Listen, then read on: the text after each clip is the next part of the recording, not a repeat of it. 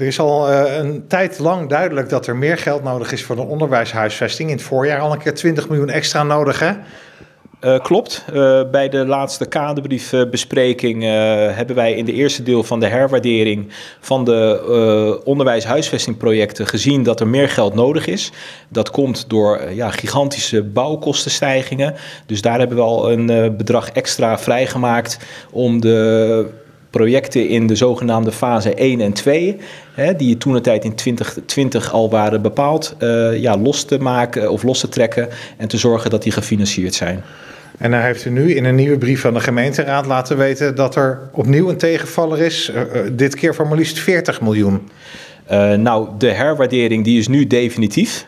Uh, dus we hebben alle gesprekken met de schoolbesturen die in die fase 1, 2 en 3 zaten, hebben wij uh, geschouwd. We hebben gekeken van wat is er nodig.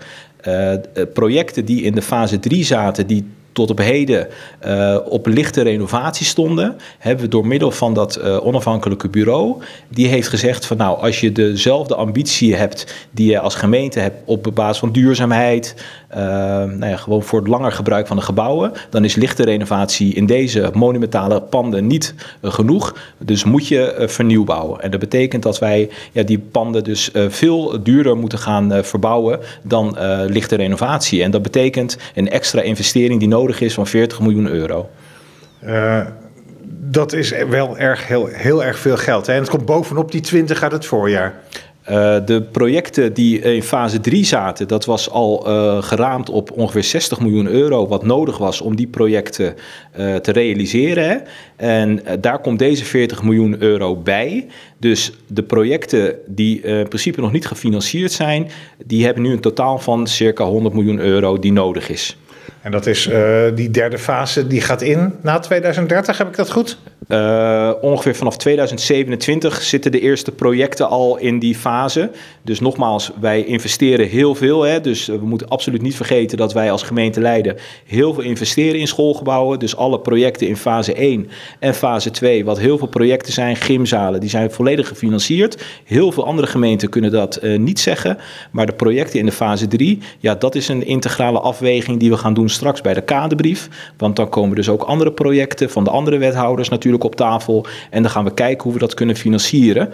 Uh, daarom ook uh, heb ik gisteren gelezen dat de inzet van de VNG is om onderwijshuisvesting als een grote prioriteit voor het nieuwe kabinet uh, te benoemen. Want er is gewoon heel veel geld nodig om de schoolgebouwen op een goed niveau te krijgen. Maar je haalt niet zomaar even als gemeente ergens 100 miljoen vandaan, toch? Dat hou je zeker niet. Onze complete begroting is circa 550 miljoen. Dus dan kan je je voorstellen wat voor verhoudingen we het over hebben. Maar het laat aan de andere kant echt wel zien hoe urgent dit vraagstuk is. Dus we gaan daar absoluut over in gesprek. We hebben daar gewoon een zorgplicht als gemeente. En we gaan kijken wat we hieraan kunnen doen. Nou, zei u net al, die, die 40 miljoen extra die, die nodig is, uh, heeft ook te maken met uh, het ambitieniveau. Betekent dat dan dat dat ambitieniveau ook naar beneden bijgesteld kan worden? Uh, nee, we hebben ambities op duurzaamheid. Uh, de kinderen moeten in gewoon goede schoolgebouwen les krijgen.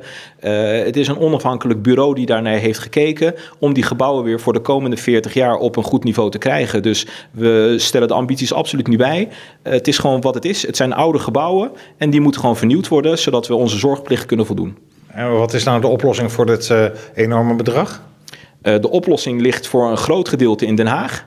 Uh, Den Haag, de, het kabinet moet uh, gewoon met meer budget over de brug komen. vorig jaar hadden we een vraag landelijk van ongeveer 730 miljoen euro die nodig was om achterstallig onderhoud aan schoolgebouwen te realiseren.